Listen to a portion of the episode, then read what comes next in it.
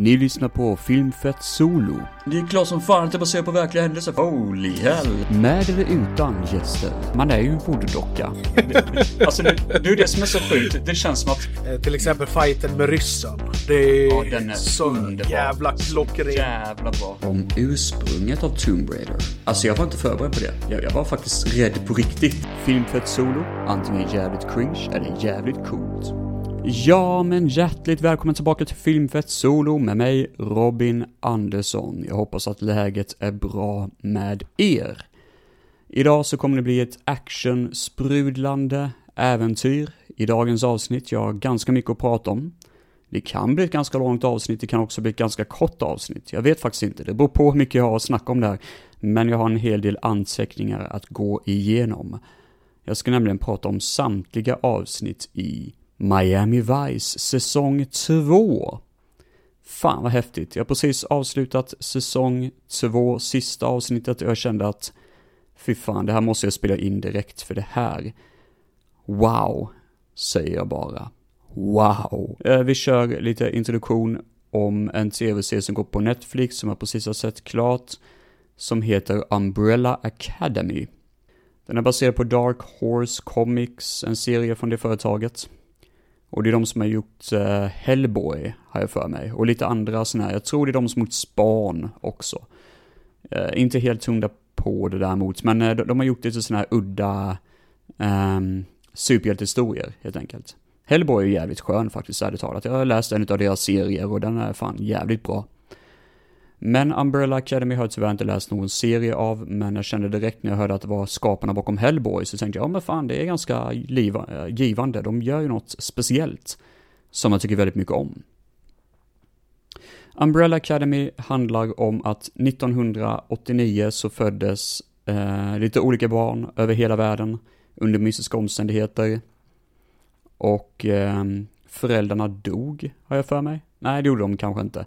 Men i alla fall, en snubbe som heter Hargreaves i efternamn, kan inte uttala hans förnamn, Regionald Hargreaves tror jag det är. Han har adopterat de här barnen till att bli sina egna, eh, ja, sina egna helt enkelt. Och anledningen är det att han vill skapa en egen grupp av superhjältar, för de har ju övernaturliga krafter de här kidsen. Grejen är bara det att till skillnad från typ X-Men och sånt, så är Hargreaves ett jävla asshole. Han är fan ingen bra fadersgestalt. Han tvingar dem i stort sett att träna hela tiden. De har ingen förmåga att kunna vara unga. Han ser ner på dem hela tiden och så fort de gör ett misstag så får de höra det direkt att de är värdelösa. De får typ aldrig höra något positivt överhuvudtaget. Vi får se i säsong två bland annat en scen då en av medlemmarna har precis blivit dödade. Um, och det här är ingen spoiler för det här hände, alltså det här hände innan serien drar igång så det här är flashback liksom. Men då säger typ Hargreaves att ja, det är ert fel. Um, att en av era bästa medlemmar har dött. Men Umbrella Academy handlar ju om, alltså säsong ett är att han då, den här douchebag-pappan har precis dött. Och eh, hela familjen kommer tillbaka, de är vuxna allihopa och de är ju alla annorlunda typ.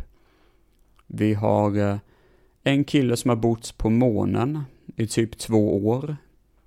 Han eh, är jättestor, alltså skitstark, har alldeles för klumpig kropp för sitt egna bästa.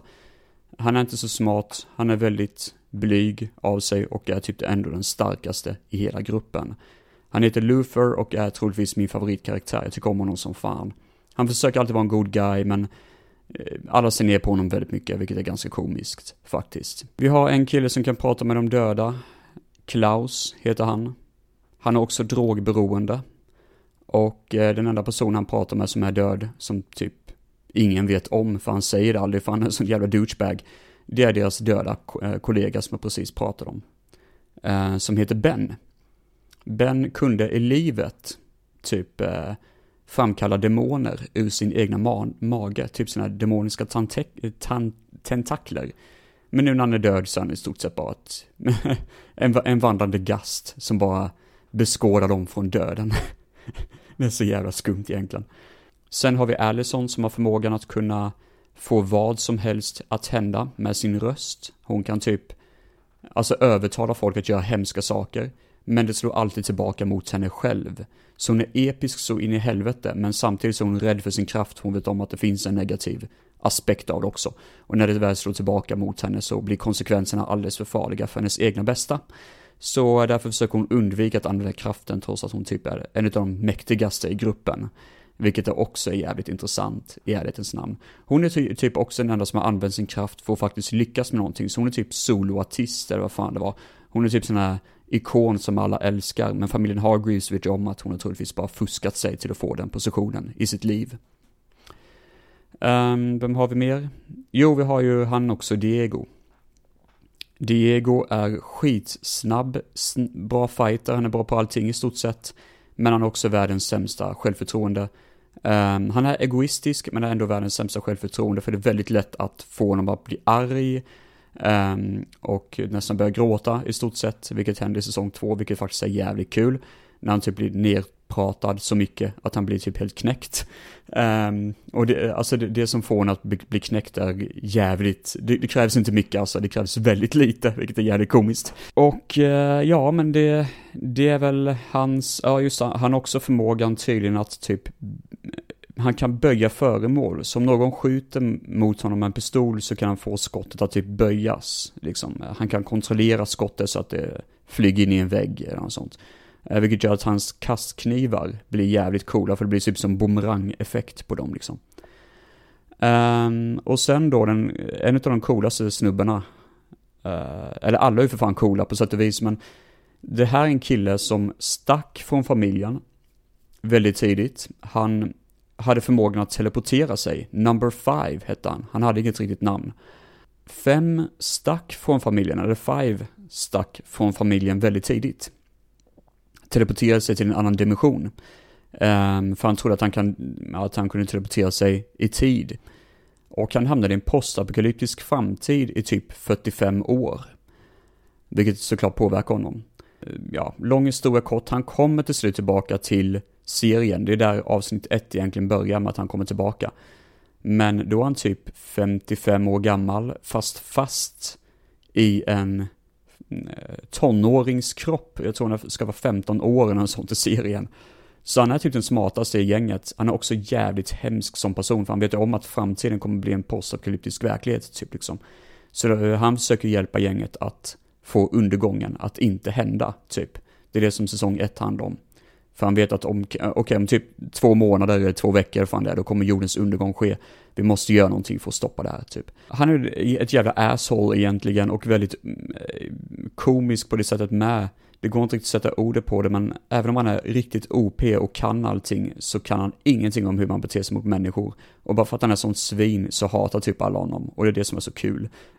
för det, även om man, man vet ju om att han har rätt i allting, men man vet också om att det är jävligt kul att se serien när han typ får stryk eller när han typ hamnar i en situation där man inser fan, I've done fucked up, liksom sådär. Det är kul som fan. Ja, just den sista karaktären heter Vanja. Och hon är normal människa. Vilket gör att hon blir typ utfryst av familjen, vilket gör att hon skrev en bok om familjen, om hur det var att växa upp i Umbrella Academy, vilket blev en bestseller.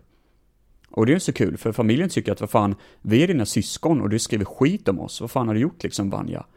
Vilket också är jävligt intressant i sig. Så det, det finns intressanta karaktärer, det finns intressanta personligheter och det är en jävligt rolig serie att se. Säsong två är verkligen kick-ass på många sätt och vis och eh, ja, den är kul som fan. För då har de fastnat i, ett, eh, i 60-talet i olika tidsåldrar i 60-talet. Men inser det att domedagen kommer i vilket fall som helst. Domedagen då, alltså den här eh, som de försökte liksom förhindra, har tydligen skett, kommer ske tidigare. Och det är ju kul, det är jävligt intressant faktiskt. Så eh, det, det är typ startskottet för säsong två, helt enkelt. Att det utspelas under 60-talet. Jag gillar det, det är nice. Det som är kul också är att några av skurkarna som är i säsong 2 heter Svenskarna, The Swedes. Det är tre bröder. Och grejen är att de pratar inte så mycket, men när de väl pratar så ställer jag mig frågan, pratar de verkligen på svenska? För antingen låter det alldeles för tydligt att det ska vara svenska, eller så låter det jävligt Som att de egentligen inte vet hur man pratar svenska typ. Det låter väldigt skumt i alla fall.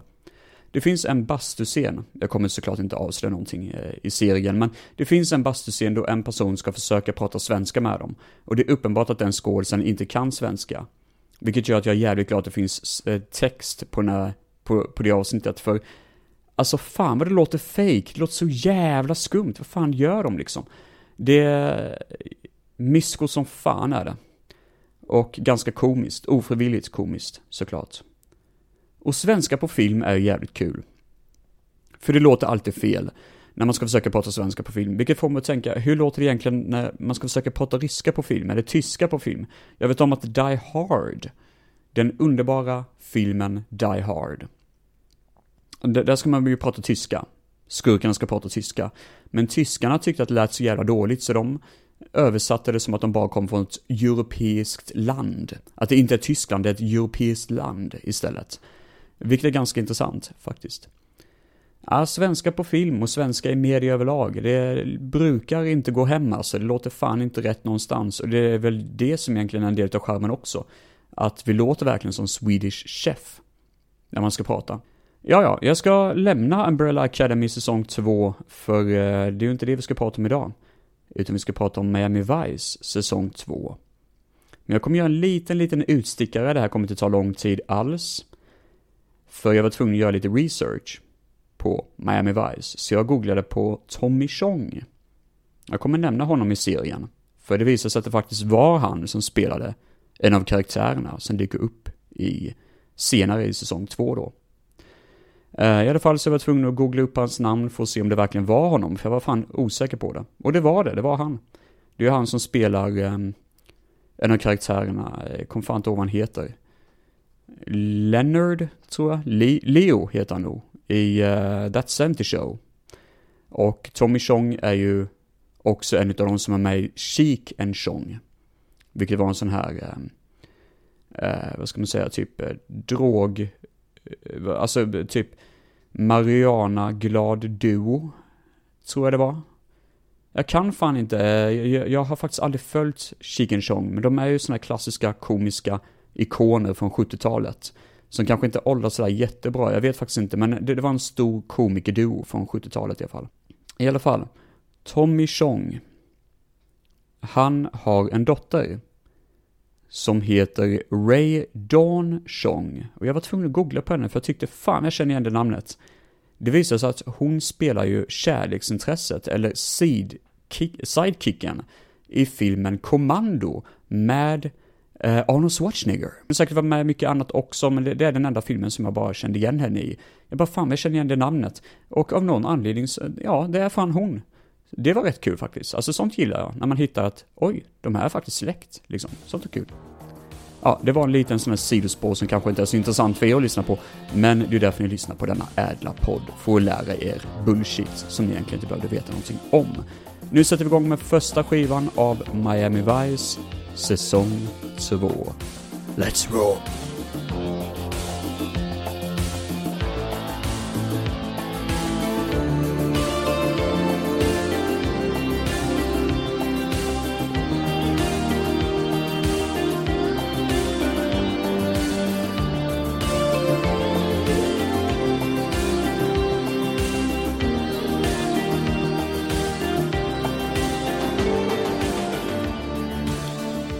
Pilotavsnittet av Miami Vice säsong 2 heter Prodigal Son.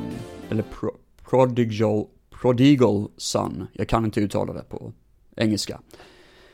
Eh, den ligger på en timme och 33 minuter. Jag tror den var uppdelad i två episoder när den gick på tv. Men i den här skivan så är det en enda episod. Så det blir som en långfilm typ. Eh, det är en klassisk story där eh, Crockett och Tubbs är tillbaka och eh, de ska försöka stoppa en ond eh, organisation som heter The Revillas Brothers. Som är typ sån här mexikansk gäng. Eh, det börjar i djungeln i Bogotá. Ehm, så det måste väl vara Colombia tror jag. Med en gerillaorganisation som typ har precis mördat en person. Crocodile Tubbs har gått undercover under deras undercover-namn för att försöka infiltrera Revillas bröderna. Och det är en liten sån här första sak som händer där. Eh, en av sidokaraktärerna i Miami Vice, som heter Gina, skadas i en, i en attack. Hon blir skjuten i magen, tror jag det är. Och jag för mig det var i Bogota. Gänget åker till Miami och sörjer att hon blivit skadad. Man vet inte om hon kommer överleva. Det är ganska sad, ärligt talat. Och eh, ett tag så trodde jag faktiskt att hon verkligen hade dött, för alla på sig sina svarta kostymer och typ står runt omkring varandra och bara oj shit, fan vilket sätt att öppna det här på. Men eh, hon är inte död, hon ligger bara på sjukan, men det ser allvarligt ut. Sen så drar gänget iväg till New York, där resten av avsnittet utspelar sig. För det är där eh, hela, ja alltså hela avsnittet utspelar sig, där Revillas-bröderna befinner sig, helt enkelt. Och i New York så befinner sig Pam Greer, som hade någon typ av relation med Tubbs tidigare. De var ju typ ihop ett tag. Så det är ju rätt nice att han kommer tillbaka till henne igen. Och det blir lite sån här kärleksgnabb mellan dem, eller vad man ska kalla det för. Så det var lite nice.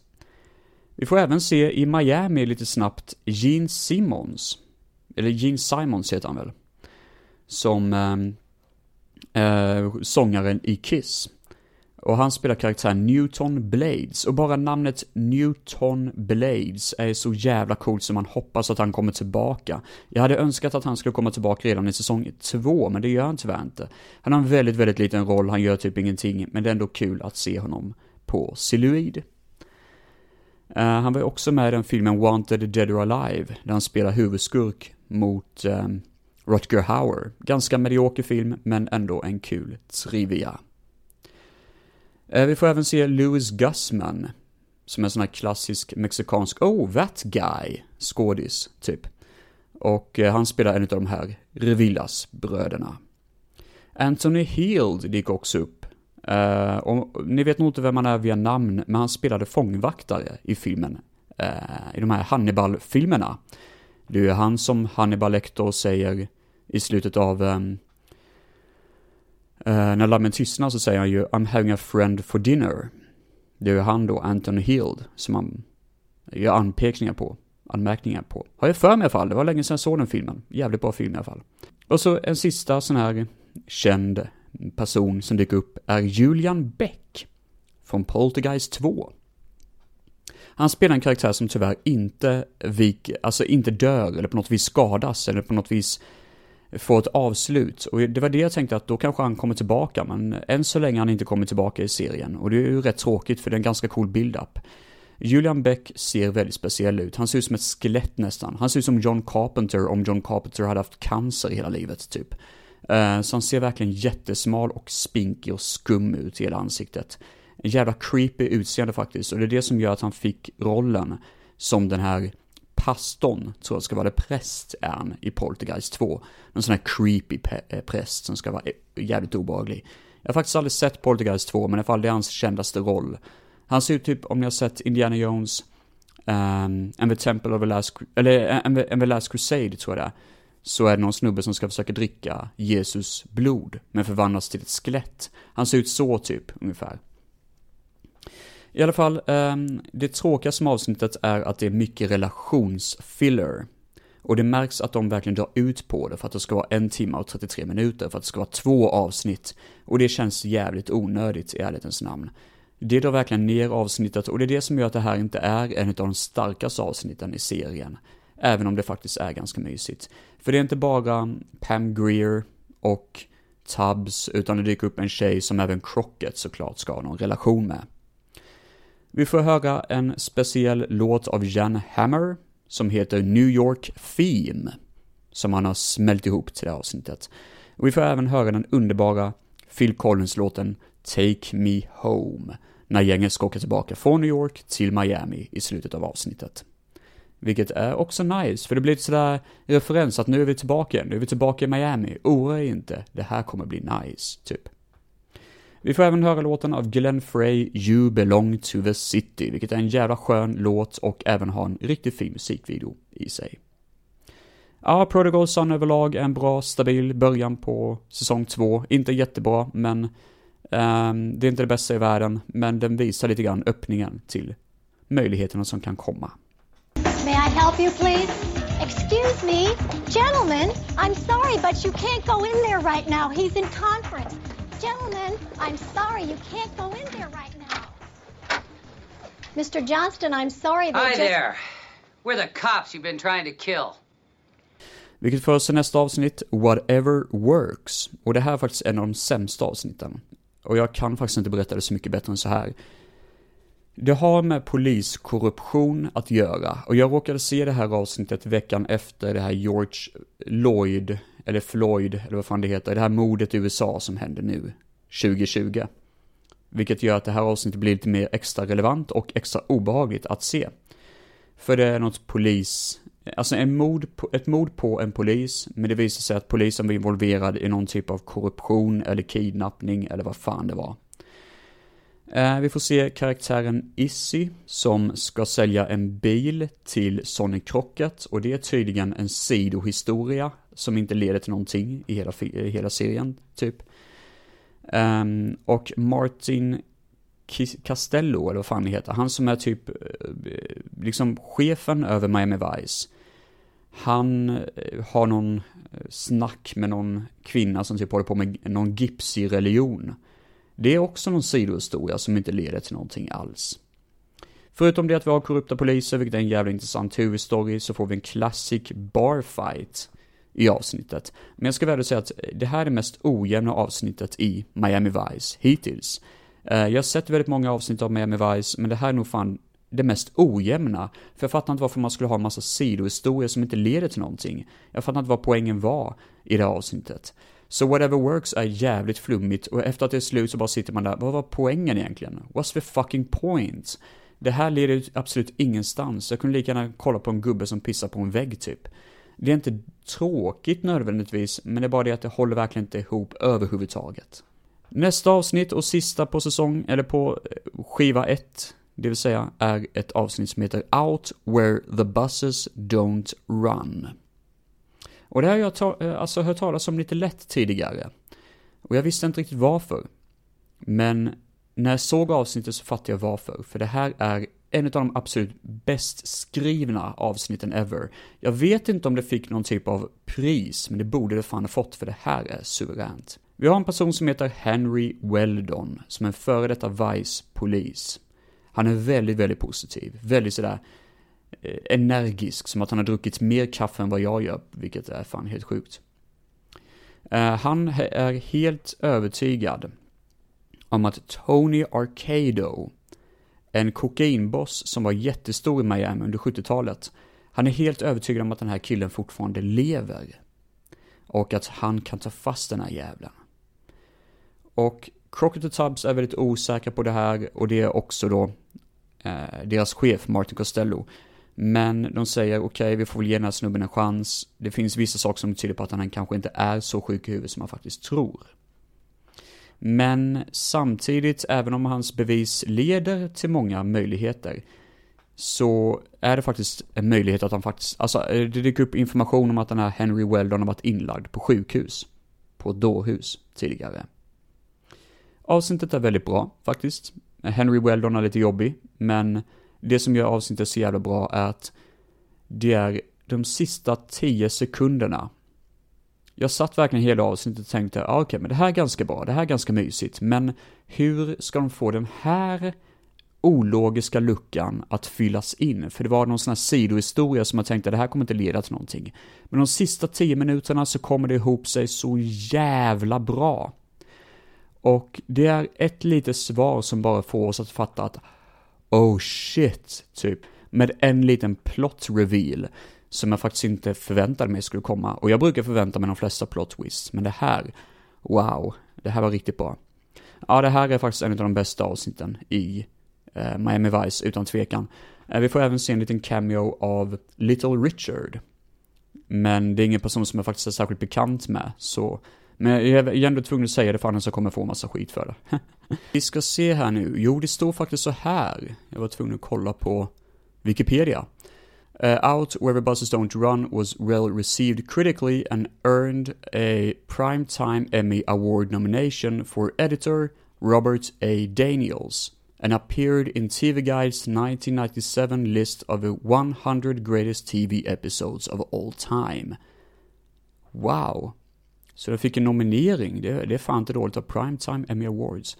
Och eh, var med i TV Guides eh, 100 bästa TV-episoder någonsin. Wow, det, mina damer och herrar, det är fan inte dåligt. Men nu går vi över till disk 2 på denna ädla serie.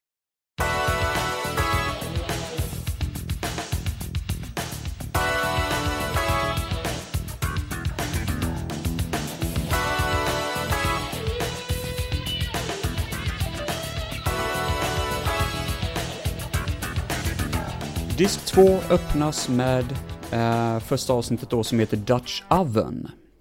Ja, vad ska man säga? Alltså det finns... Eh, vi har vår, vår karaktär Trudy som brukar jobba tillsammans med Gina i gänget. Och hon dödar en man i självförsvar, skjuter ihjäl honom. Detta leder till någon sån här rättegångshistoria där man ifrågasätter om det verkligen var tänkt så att det skulle hända från första början, typ. Och eh, det går igenom lite sådär, eh, ja vad ska man säga, eh, lite pappersarbete typ. Eh, samtidigt som Trudy går igenom sån här eh, ångest över vad hon egentligen har gjort. Hon träffar sin pojkvän, David, och han är en ganska känd sån här stor snubbe inom eh, nattlivet i Miami. Men hans bästa kompis råkar vara en drug dealer och då är frågan, ska Trudy göra någonting åt saken eller inte?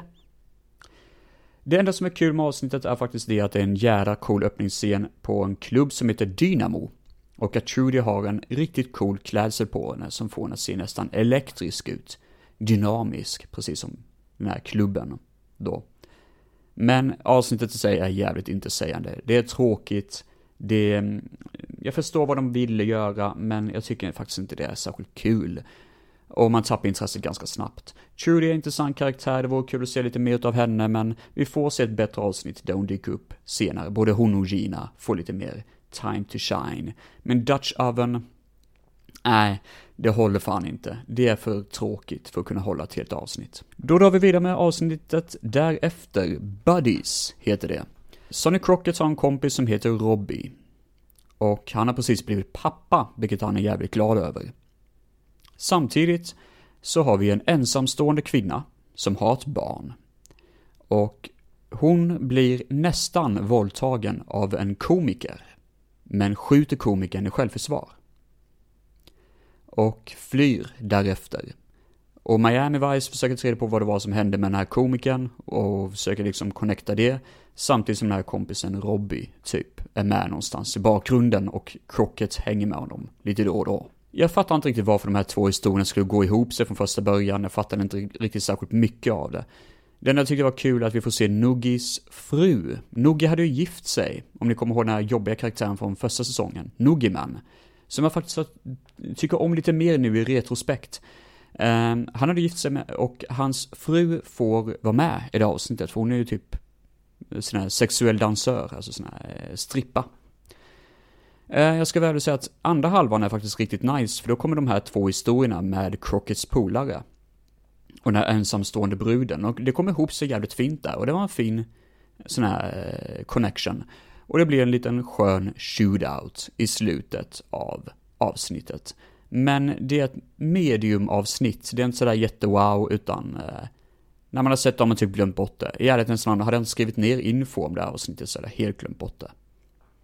Så vi drar vidare med nästa avsnitt då, som heter Junk Love. Och här har vi en prostituerad som har flytt från sin gangster. Men hon är fortfarande hooked on the smack, så att säga. Så hon funderar på, på att komma tillbaka till honom mot Sonny och Crockets vilja då, såklart.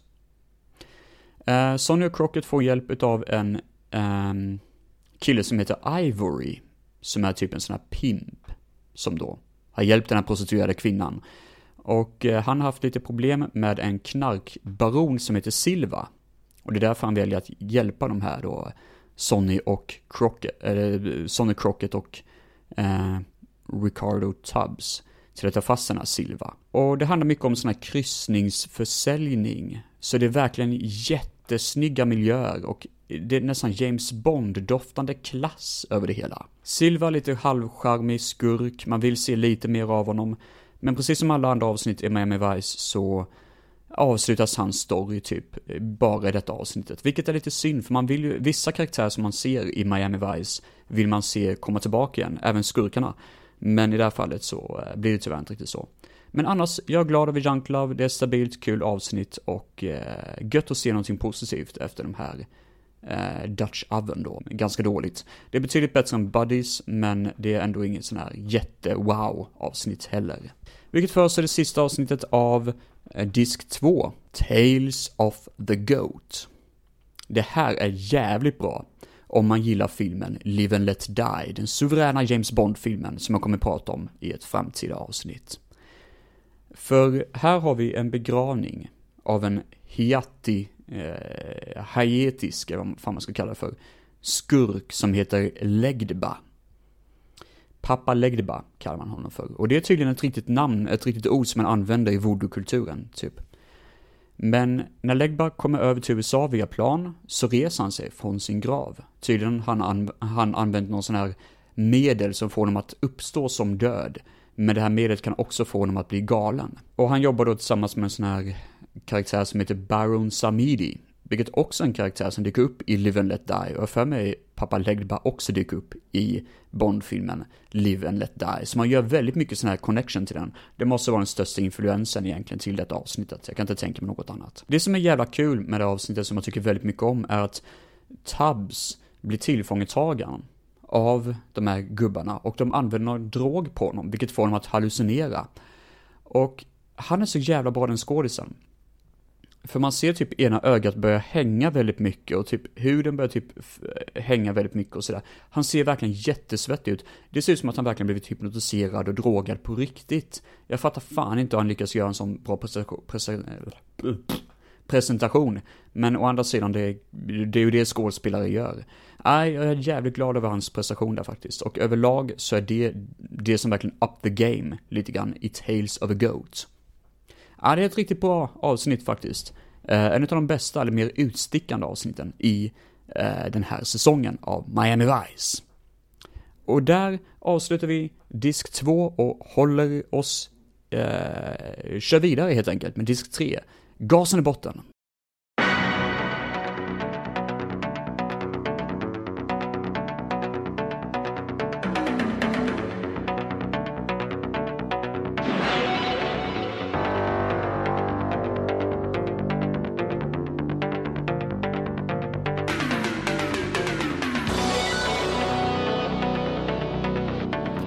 Okej, okay, så det blir kanske inte riktigt gasen i botten, för nästa avsnitt heter Bushido. Och Bushido är ett väldigt chill och lugnt avsnitt, vilket man faktiskt inte är så van vid när det kommer till Miami Vice. Ibland ett jävla tempo i de här avsnitten, men inte denna gången. Det hela börjar med att man gör en sån här stakeout, man ska undersöka någon sån här kokain-deal eh, på en offentlig toalett. Och det är en jättebig deal allt detta, de har verkligen liksom lagt jättemycket tid på det. Men man upptäcker att kokainsmugglaren hittas upphängd upp och ner och dödad på ett väldigt brutalt sätt i det här eh, offentliga toaletten då. Och eh, Martin Castillo, eh, chefen då över Miami Vice, upptäcker snart att han känner fan till vem det är som ligger bakom detta. Det är en före detta agent som heter Jack Gretzky, spelad av Dean Stockwell. Och eh, han vet om direkt att shit, det här är en person jag brukade jobba med innan jag började jobba med Vice. Den agent jag faktiskt jobbat med tidigare. Hur fan kommer det sig att han har blivit eh, mördare helt plötsligt? Avsnittet regisseras av Edward James Olmos. Jag tror det är hans första prestation här som regissör. Um, det är Martin Castello, eller Mar eh, Martin Castillo som han spelar också då. Så han spelar både huvudroll och regisserar. Och han är väldigt chill och lugn person, väldigt sådär liksom, han gillar dold energi om ni förstår vad jag menar. Att han har ju en jävla presence i sina eh, presentationer. Men han är ju inte den som är typ Nicolas Cage, utan han är väldigt sådär low key actor typ. Han är verkligen professionell skådis. Han vet hur man döljer intensitet genom blickar och vissa minimalistiska ansiktsrörelser. Och det är eh, precis det Bushido utgår sig ifrån. Um, Martin eh, skyddar en familj i resten av avsnittet typ, och det händer inte så mycket. Det är väldigt lugnt och stilla avsnitt.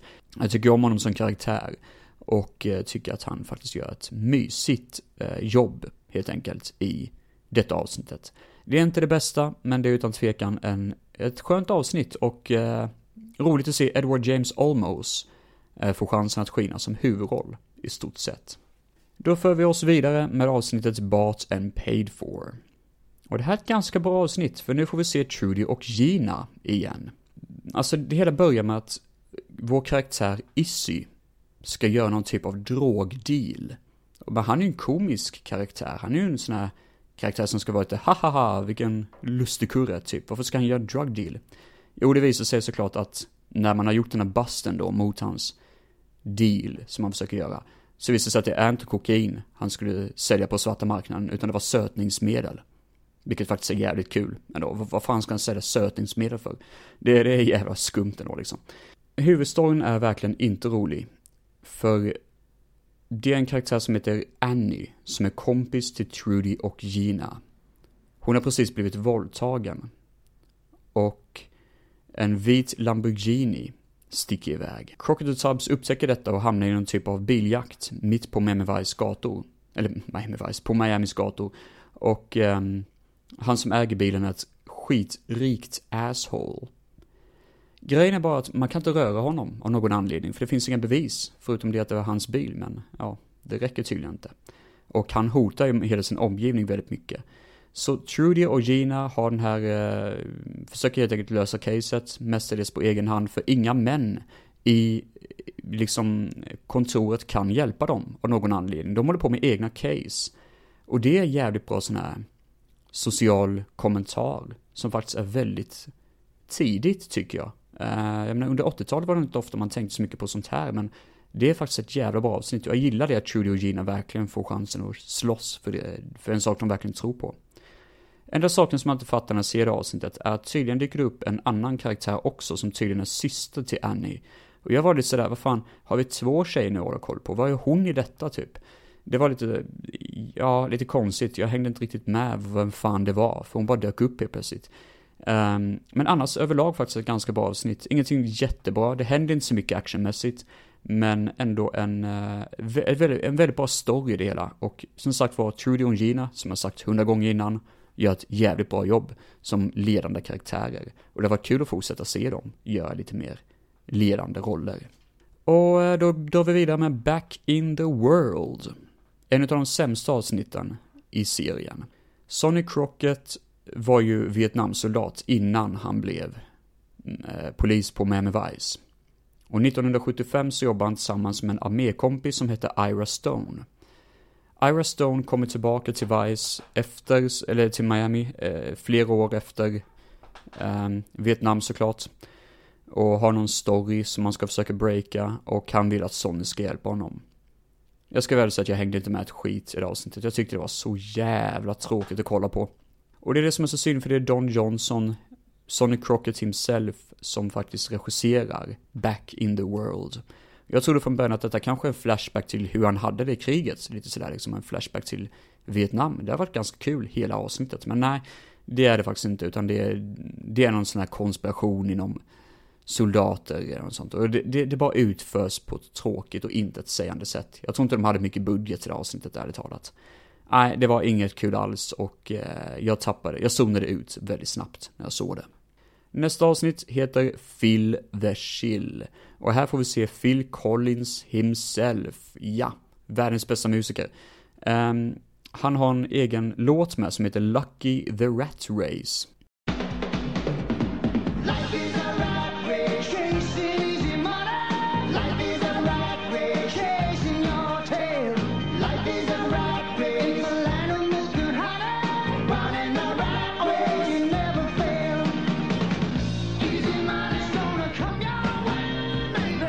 För det, det, är så här att han har ett tävlingsprogram.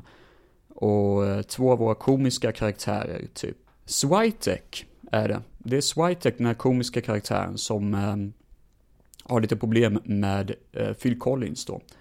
Eh, Phil Collins spelar en sån här eh, con artist som heter Phil the chill, typ. Och han har svindlat lite pengar och ehm, eh, ska göra någon deal med en stor kokain-dealer. Eh, Eh, det är goa kläder, det är mysig miljö, men jag tycker inte det händer särskilt mycket. Det är ganska intetsägande avsnitt i ärlighetens namn. Det som är kul däremot, som jag verkligen gillar med det, är att i slutet så ser man Phil Collins vara en tv-evangelist. Han har bytt karriär till att bli tv-evangelist. Nej men han gör den låten Jesus He Loves Me. Eller Jesus He Knows Me heter den ju fan. Av eh, Genesis. Och där spelar han i musikvideon som tv-evangelist. Och det är också en musikvideo som är skitrolig som ni borde spana in. För den, eh, alltså om man hör titeln Jesus He Loves Me så tänker man det är en religiös eh, låt. Men det är det inte. Utan Jesus He Knows Me är en låt om hur dåliga tv-evangelister är och hur mycket pengar de får av att göra bullshit. I stort sett i alla fall. Fylver chill, avsnittet mm, i Miami Vice är ganska tråkigt, tyvärr. Det händer inte så mycket och eh, det är bara kul om man tycker det är roligt att se Phil Collins eh, försöka sig in med att skådespela. Och där var vi klara med det avsnittet och går vidare till nästa. Definitely Miami. Regisserades av Rob Cohen. Och jag kände igen namnet, vem fan är Rob Cohen? Jo, han har faktiskt gjort den första Fast and the Furious-filmen. Yay! Och jag tror det är Mumien 3, har jag för mig det var också. Yay! Det är ju kvalitet. Nej, men jag tror faktiskt inte han har så mycket att göra med det här egentligen, för det här avsnittet, Definitely Miami, är eh, jävligt tråkigt skrivet. Så det är väl det egentligen som är problemet med avsnittet. Det börjar med att en bil begravs i ett berg av sand. Det är en sån här sand... Sandupplag någonstans. Så det är ett mord på en kille som sitter i en bil. En snubbe tar en väska med pengar eller kokain, och fan det. Och slänger en massa sand på bilen typ liksom. Och det är massa sandhöger bakom, så man fattar att okej, okay, han kanske har dödat fler människor. Sen får vi se eh, Crocodile Tubbs som stirrar på en kvinna som solar. Vilket är jävligt konstigt, för det, det filmas på ett väldigt sexuellt och erotiskt sätt. Och det känns inte okej. Okay. Det känns jävligt hemskt och det pågår alldeles för länge. Och Crockett sitter och bara wow, she's so hot, typ. Vilket också inte alls känns som en grej som Crockett skulle göra. Han känns inte som att han är en sån person som skulle vara så, sådär jättemycket. Och de sitter där och kommenterar på hur het hon är typ. Men det visar sig att den personen som sitter där är tydligen en person som de ska göra någon typ av vittnesskydd mot. Och Sonny börjar typ hångla med henne rätt snabbt, känns det som. Så de blir ihop. Oh lord det här, det här känns som att det bara bryter mot så mycket möjligheter med de här karaktärerna. Det bara bryter mot allting som karaktärerna faktiskt har byggt upp. Och det är någon mördare typ som den här mördaren från introt av avsnittet som har jättelångt Fabio-hår på sig. Han ser ut som Fabio typ från äh, den här jävla eh, snubben som tror att han är så jävla snygg. Äh, det är faktiskt ett väldigt tråkigt avsnitt. Äh, en av de sämsta avsnitten. Jag hängde inte med särskilt mycket, jag fattar inte hur fan det hänger ihop och jag brydde mig inte särskilt mycket heller. Det är väl någon cool actionscen men det räddar ingenting för det. Jag bara kände, vad fan gör de med karaktärerna egentligen? Du, du tar ju fan sönder allting typ kändes det som. Och det är skönt att det bara liksom, bara är ett avsnitt och att serien kan gå vidare som att inget har hänt efteråt. För efter det så får vi Yankee Dollar. Och Yankee Dollar handlar om att Sonny Crockett har dejtat en flygvärdinna. Och hon är tillbaka nu i Miami. Och han är ju jätteglad över detta. Och eh, kör med henne hem. Men hon är väldigt avvikande sådär liksom. Hon vill liksom vara själv inomhus och så. Ja, jag tänker Sonny, jag följer hem då. Och precis när han ska sätta sig i bilen så hör han ett skrik. Så han springer in i hennes hus, han bryter sig in och ser hur hon dör. Av någon typ av hjärtattack, ser det ut som, i toaletten. Och det visar sig att, eh, sen via obduktion, att hon hade en plastpåse med kokain i typ magen. Så hon skulle helt enkelt smuggla kokain från var hon än flög någonstans till Miami. Och råkade svälja det. Och det här är jävligt hårt faktiskt. Det kändes väldigt skumt att Crockett råkade välja att dejta en sån person, men det, det, är fan hårt. Jag, jag gillar ändå det här dramat som uppstår, för jag kände direkt wow, det här är fan skitbra början. Shit vad bra det är. Men resten är tyvärr ganska dåligt. Det dyker upp en karaktär som heter Charlie Glide, som är uppenbart skurk. Sonny och Crockett går undercover för att stoppa honom. Det är generic as hell. Det är precis som det brukar vara liksom. Det är synd för introduktionen kunde faktiskt leda till någonting väldigt mycket mer bättre än vad det faktiskt blev. Men det blev ganska generiskt avsnitt i slutändan.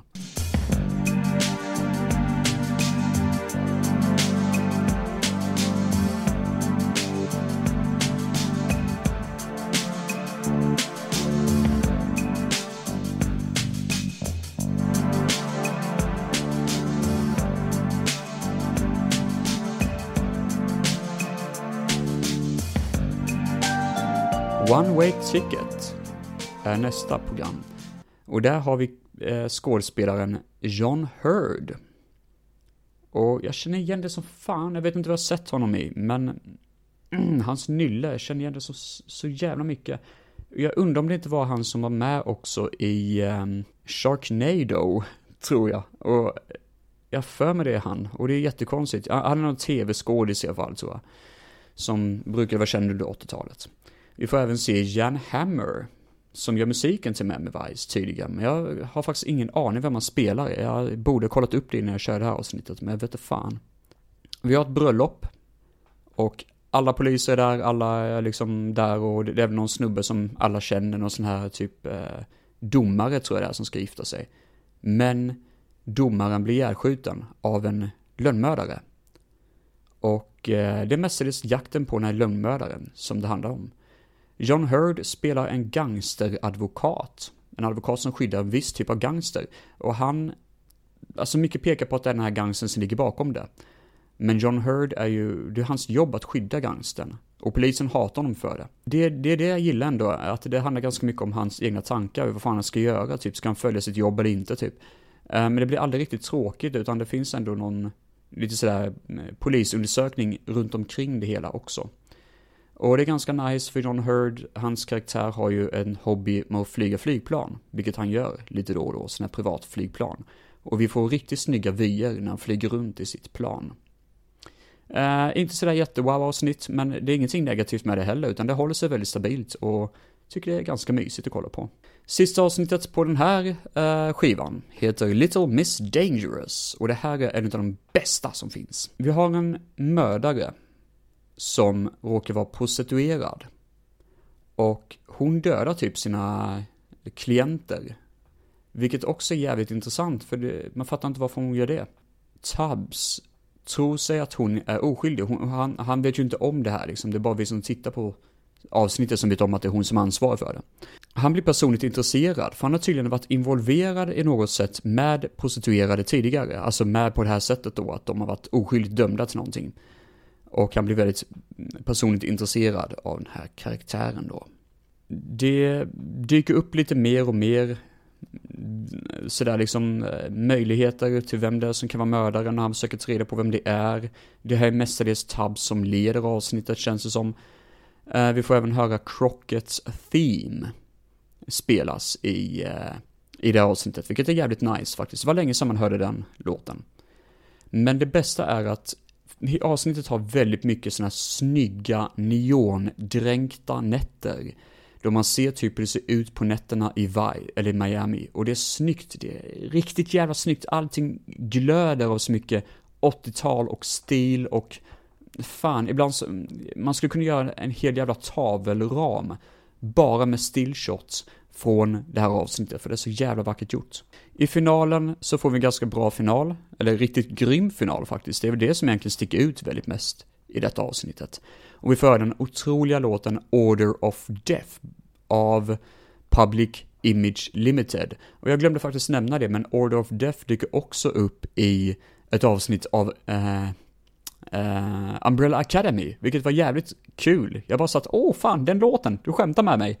Ja, men det, det här är ett bra avsnitt. Det är underhållande, det är välgjort, det har stil och en intressant mördare, även om man kanske inte riktigt fattar varför hon gör det. Men hon är säkert psykiskt störd någonting. Ja, ett jävla bra avsnitt. Little Miss Dangerous. Då drar vi vidare med ytterligare ett jävligt bra avsnitt av Miami Vice med Florence Italy. Det här är faktiskt en av de bästa och eh, ja, jag ska förklara varför.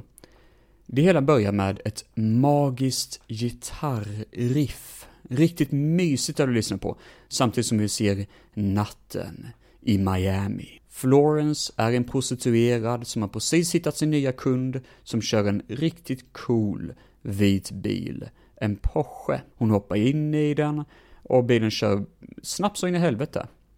Crockett och Tubbs råkar vara i närheten och ser den här bilen och kör efter den för de bara fan, han, den här snubben kör helt jävla galet ju. Så de kör efter honom snabbt som in i helvete. Ut ur Porschen flyger Florence, den här prostituerade kvinnan. Hon är ihjälslagen till döds.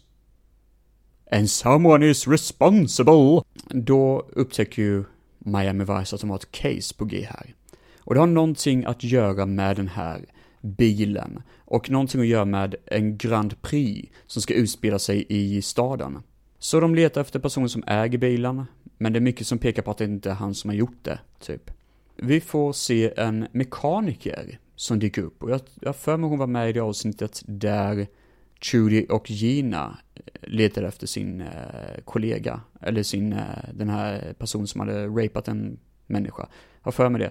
Den här mekaniker är en kvinna som heter Tommy och hon är jävligt skön och chill och nice och det är kul att se att hon kommer tillbaka för hon är en intressant person faktiskt. Vi får även se The Fat Boys, som de kallas för. Yes, det visar sig att det är de som gjorde låten till uh, Nightmare on Elm Street 4, The Dream Master. Den heter Are You Ready for Freddy?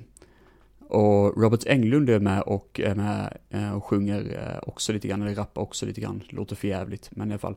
Ja men det, det, är de, det är de. Det var kul faktiskt. Jag tyckte jag kände igen deras namn, The Fat Boys. De dök upp i alla fall och ska vara, ja, jag kommer inte ihåg vad fan de gör. Men de, de har en liten scen i serie, i det avsnittet i alla fall. Vi har riktigt god musik också när det är en motorcykeltävling i ett parkeringshus. Och det är fan riktigt nice. Jag hade önskat att detta hade varit finalen på avsnittet, för själva finalen är en ganska, ganska tråkig racetävling. Eh, som faktiskt, alltså, det, ja, vad ska man säga, alltså, det, det, det bara märks att de har slösat all budget på någonting som faktiskt inte höll ihop sig alls i slutet av avsnittet. Nej, det finns inte så mycket mer att säga om det, det är jävligt bra, jävligt stabilt. Och då går vi vidare med ett annat avsnitt som inte håller så bra. French Twist. Vi får se en kvinna som har fotat ett mord vid ett sjukhus. Eh, på grund av detta så måste man skydda den här kvinnan under vittnesskydd. Men hon verkar inte riktigt fatta hur allvarligt situationen är och hon är väldigt sådär liksom klängig på de här poliserna hela tiden och vill bara liksom vara ute i det fria och träffa sin pojkvän eller vad fan hon vill göra. Vi får se Leonard Cohen i en liten eh, roll, jävligt liten roll, han gör typ ingenting faktiskt. Och vi får se en eh, kanadensisk detektiv som heter Danielle, som är väldigt sådär stel och märklig. Och hon ska försöka hjälpa de här poliserna med att skydda den här eh, kvinnan då. Nej, det är ett jävligt tråkigt avsnitt. Det finns ingenting att säga om French Twist, för det, eh, jag för mig slutet var lite halvkul, men inget sådär wow, utan efter man har sett det så bara, eh, jag vill bara gå vidare och se något roligare istället, typ. Tyvärr får vi vänta ännu längre för att se ett roligt avsnitt, för The Fix är nästa avsnitt, och det här är riktigt tråkigt. Riktigt jävla träigt avsnitt alltså. Fy fan vad tråkigt det är. det är inte bra någonstans det här är ju, det finns ett tv-spel på Miami Vice. Och vi fixar typ grunden bakom tv-spelet. Fråga mig inte varför. I alla fall så handlar det om en kvinnlig gangster som heter Ortega. Men hon får gå fri. Det har varit någon konspiration i kammarrätten, typ. Det är en sån här domare som har blivit korrupt eller någonting. Och man lägger så mycket tid och pen eh, alltså energi på att berätta om hans eh, pengaproblem och whatever och Åh, det är så tråkigt. Det är så jävla tråkigt. Det enda som är kul med det här är att vi får se en riktigt snygg miljö i introt i form av ett fågelreservat. Och vi får också se Kramer från Seinfeld som eh, en utpressare, eh, gangster då liksom. Det var jävligt otippat och väldigt kul faktiskt att se honom som den rollen. Det här kanske var innan eh, han startade Cramerica Industries i och flyttade in med Jerry Seinfeld då liksom, eller flyttade in och blev granne med honom. Nej, det här är ett jävla tråkigt avsnitt. Det finns fan inget kul alls att prata om det. Det är något som är basket också, men fan bryr sig om basket. Är det här fan tråk deluxe, en av de tråkigaste avsnitten. Fy fan vad dåligt det är. Payback får avsluta det här eh, negativa, de här negativa si, eh, sidan av Miami Vice. Det har inte varit så mycket positivt på den här skivan, så att säga. Men Payback är jävla bra. Sonny Crockett åker till ett fängelse för att besöka en person. För att personen vill prata med honom och han fattar inte vad fan det rör sig om. Personen i fråga tar självmord genom att skjuta sig själv i huvudet precis framför Sonny Crockett. Och Crockett fattar ingenting. Och det här leder då till ett jobb där Sonny upptäcker att Alltså han hamnar i någon typ av knipa. För att det dyker upp lite fakta och information om att Sonny kanske aldrig riktigt har rent mjöl i påsen. Han fattar inte var den här informationen kommer ifrån överhuvudtaget. Och han har blivit väldigt utarbetad och väldigt stressad av sitt jobb. Och det har troligtvis att göra med det här självmordet som han såg framför sig i det här eh, fängelset då. Och det är ju jävligt intressant, alltså det finns mycket som är intressant med avsnittet överlag. När det kommer till Crockett och hans, eh, hur utarbetad han är. Jag gillar sånt, jag gillar PTSD, jag gillar den här skräcken som man känner när han um, har det här avsnittet då. Den stora skurken heter Fuente i det avsnittet. Och det är Frank Zappa som spelar den rollen. Lite undanvänd tyvärr, för Frank Zappa är jävligt cool och det har varit kul att se honom återvända. Men eh, jag tror inte det finns en möjlighet till det faktiskt i ärlighetens namn. Men det här är överlag en av de bästa Memmy Vice-avsnitten. Väldigt karaktärsbaserad, men också med bra action och bra röj. Det är också kul att eh, Frank Zappa upptäcker väldigt tidigt att Sonny Crockett är Sonny Burnett. Eh, det, det aliaset han brukar använda sig av när han gör sina jobb undercover då liksom. Så eh, det här är den första skurken så vitt jag vet som kunde ta reda på väldigt tidigt att Sonny Crockett är Sonny Burnett. Vi har en polis bland oss, typ. Det är creepy, det är jävligt creepy. Ja, det, det är jävligt bra avsnitt till Payback. Det skulle kunna, kunna vara en hel film i ärlighetens namn. För det håller sig så jävla bra. Och jag gillar mentaliteten bakom vad som händer. Nej, nu får vi gå vidare känner jag med eh, sista skivan så det blir. Jajamensan, Le Grande Finale av Miami Vice.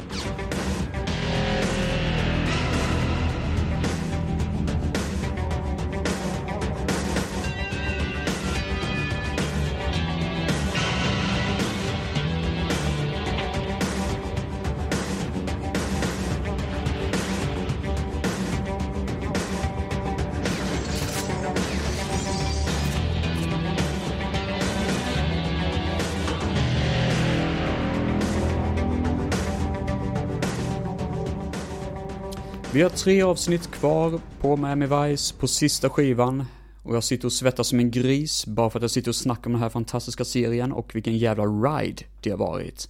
Och de här tre sista avsnitten är väldigt varierade. Vi har ett skitdåligt avsnitt som är eh, bara tråkigt. Vi har ett som är medel och ett som är fan, ta mig fan det bästa, en av de bästa jävla avsnitten jag sett i hela serien. God damn! Vi börjar med Free Verse. Free Verse handlar om en pratsam gubbe som heter Sandoval. Eh, han sitter i rullstol, han är en gubbe och väldigt positiv och glad. Eh, han har precis flytt sitt hemland. Jag tror det är Kuba. Det nämns inte riktigt men det märks typ att det måste vara Kuba eller något sånt. Han har en hotbild över honom, en politisk hotbild över honom. Vilket gör att eh, Vice då måste skydda honom. Men han vill ju bara åka iväg och festa och ligga med brudar för han är en kåtbock och äcklig gubbe typ. Eh, samtidigt så är han någon sån här poet som ska dra någon poets historia typ. Enda grejen med Sandoval är att han är inte bra på att dra poesi. Det låter för jävligt. Alltså det, det, det poetiska budskap han har är jättetråkigt. Man bara, är det här det som gör honom till en hotbild? Är det detta som gör att folk vill döda honom? Eller vad fan? Va? Han är en gubbe i rullstol liksom, bara leave him alone liksom. Äh, det här avsnittet är väldigt, väldigt lättglömt och jag har bara så svårt för det här. Um, jag har sett liknande avsnitt förr och det här bara, jag bara kände när jag började se det att nej, inte ett sånt här avsnitt. Och det håller tyvärr genom sig genom hela avsnittet. Det är tråkigt. Det är inte det sämsta, absolut inte, men det är bara tråk, ta mig fan. Trust Fund Pirates är ett helt okej, okay, stabilt avsnitt. Här har vi en story om radiopirater. Eller, det börjar rättare sagt med pirater som befinner sig till sjöss och kör en radioshow som ingen får lyssna på. Typ sån här olaglig radioshow. Noggyman, vår favoritjobbiga jävel, råkar vara med eh, på ett hörn. Men han har en liten cameo bara, han gör inte så mycket mer än att vara med lite i bakgrunden typ och han hjälper den här piraten köra sin show. Samtidigt, den riktiga storyn, för de här radiopiraterna är bara en bi-karaktär som dyker upp sen liksom, som ska hjälpa till lite grann med caset. Men den riktiga storyn är att en båt befinner sig till sjöss. De ska göra en sån här kokaindeal som vanligt. Men så dyker det upp en annan båt, beväpnad med ett maskingevär. Och de skjuter ihjäl allihopa på den här båten.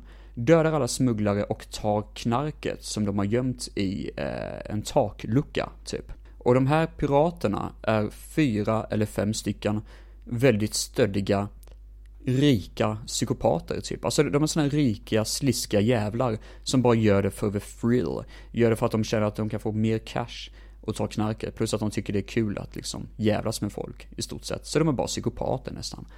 En utav karaktärerna i detta avsnittet heter Jumbo. Och han spelas utav Jimmy Chong, eller vad fan han hette. Jag kommer inte ihåg vad han heter nu. Och det var det jag tänkte när jag såg avsnittet, bara fan vad känner alltså hans sätt att snacka, han säger man efter varje mening, det måste ju vara han, och det är det också. Så det är lite småkul. I alla fall, det är ganska eh, normalt avsnitt. Vi har en smugglare med ett flygplan som heter Jackson, som hjälper Sonny och Tubbs att försöka då stoppa de här pratarna. Eh, I slutet så är det typ ett paket som de här skurkarna ska skära upp. Och det är en gasbomb som exploderar ur paketet. Så bara typ pyser ut en massa skit. Eh, då ser ju Crockett och Tubbs sin chans att slåss mot de här jävlarna. Och Crockett gör en sån här voodoo-kast och kastar en snubbe rakt ner i, eh, i en sån här sjö, eller någon sån pir, typ. Ja men det, det var coolt faktiskt, den här slut-shootouten, slutfighten var jävligt nice. Och jag gillar ju det med Vice, att de har såna här rappa, coola actionscener i slutet. Överlag ett chill och rätt avkopplat avsnitt, finns inte så mycket mer att säga om det, men kul var det i alla fall. Nu, mina damer och herrar, kör vi Le Grande Finale. På hela eh, Miami Vice. Säsong 2. Oh, lordy lord. Crockett och Tubbs gör en vanlig sån här eh, typ eh, kokain-deal med några bad guys. Men blir upptäckta. Och skurkarna börjar slåss mot dem, typ sådär liksom, och ska skjuta dem i skallen. Helt plötsligt så dyker det upp ett lasersikte från ingenstans och skjuter ihjäl en utav skurkarna. Eh, polisen räddar stället, Crockett och Tubbs vinner fighten mot the bad guys. Och sen så snackar de lite grann och så säger då Crockett, ja det var en jävla tur att ni hade lasersikte med er. Och då säger en utav dem, Switek tror jag det är. Vi hade inget lasersikte, vad fan pratar du om? Du, du, ding. Så det visar sig att det är en tredje part, som de inte vet vem det är, som har skyddat både Crockett och Tubbs. Tubbs får däremot veta ganska tidigt att den här skytten var inte ute efter att rädda Crockett, utan den här skytten var ute efter att rädda Tubbs. Han får veta nämligen att en person som kallar sig Calderone vill ha Tubbs levande. Och Calderone var ju skurk i säsong 1, men han blev ju ihjälskjuten. Så nu får vi se en flashback till säsong 1. Tubbs befann sig ju i New York. Och hans bror var undercoverpolis men blev ihjälskjuten på orders av den onda Calderone. Det gör att han åker till Miami, för han får veta att Calderone har sin bas i Miami. Crockett, Sonny Crockett, hade en kollega som eh, jobbade i Miami och eh, den kollegan dödades av order av Calderone. Så det är så båda två kom ihop sig helt enkelt, Sonny Crockett och Ricardo Tubbs, för att stoppa den onda Calderone de dödade honom i säsong 1 väldigt snabbt liksom sådär. Det, det var typ avsnitt 4 eller 5 i säsongen. Tubbs blev ju kär i en kvinna som hette Angelina som råkade vara Calderones dotter. Och det visar sig faktiskt att det är Angelina som ligger bakom det här med att han, hon vill skydda Tubbs. För hon har fått veta att han har en hotbild över sig. Det här är det intressanta. Det visar sig att Tubbs och Angelina har en son tillsammans. Och det här är ju jävligt intressant. Nu blir jag faktiskt väldigt intresserad av det här avsnittet och tänkte shit, det här är ju skitbra. Fan vad det connectar med säsong 1 liksom.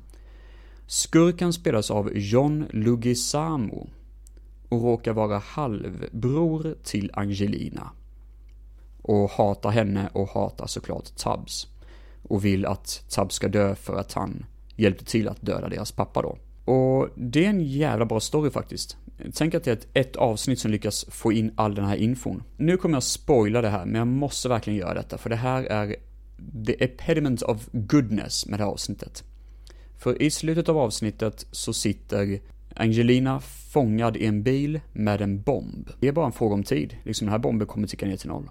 Tubbs försöker göra vad han kan för att rädda henne, men bilen exploderar. Och hon dör. Det är också osäkert vad som hände med ungen, för man vet om att barnet befann sig inte i bilen när bilen detonerade. Men det vet ingen riktigt om vad fan barnet är.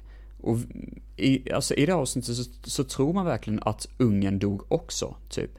Men vi som tittar på scenen vet om att det egentligen inte riktigt är så. Men ändå, det blir en riktigt ledsam sån här liksom begravningsscen i slutet då alla karaktärerna i hela serien står med svarta kostymer på sig och eh, sörjer hennes död. För även om hon tekniskt sett var en skurk så var, eh, var det ändå en person som hade eh, relation till Tubbs liksom. Och det är så gött att Ricardo Tubbs får sitt avsnitt. Och får så mycket screen time, för han har haft, varit ganska mycket en underliggande karaktär gentemot Sonny Crockett, särskilt i säsong 1. Men nu får han sin chans att skina och det är riktigt nice och jag tycker att han nailar det så jävla bra. Vi får också tunga explosioner och en äkta cool final som bara... Mm, det är riktigt nice. Det här, det här så man avslutar en säsong på alltså. Och vi får höra den fantastiska Phil Collins-låten Long, long way to go. Som avslutar hela avsnittet och hela säsong 2 på Miami Vice. Fy fan vad bra det är. Oh boy, nu när jag spelat in så har jag spelat in över en timme här. Jag får klippa ner det här ganska mycket misstänker jag. Oh lord, fy fan. Man är svettig. Man är jävligt svettig av att sitta och snacka med er. om Miami Vice. Fy fan, det har varit en sjuk resa. Det är en jävla bra serie och uh, ja, det har varit gött att kunna få chansen att snacka med er. Jävlar, nu ska jag ta en duscha och ta det lite lugnt och andas ut för uh, det behövs verkligen. Nej, men det var kul faktiskt att snacka med er och jag hoppas att ni har tyckt om det här dagens avsnitt. Så eh, ta hand om er där hemma. Ha det bäst. Och hasta la vista baby.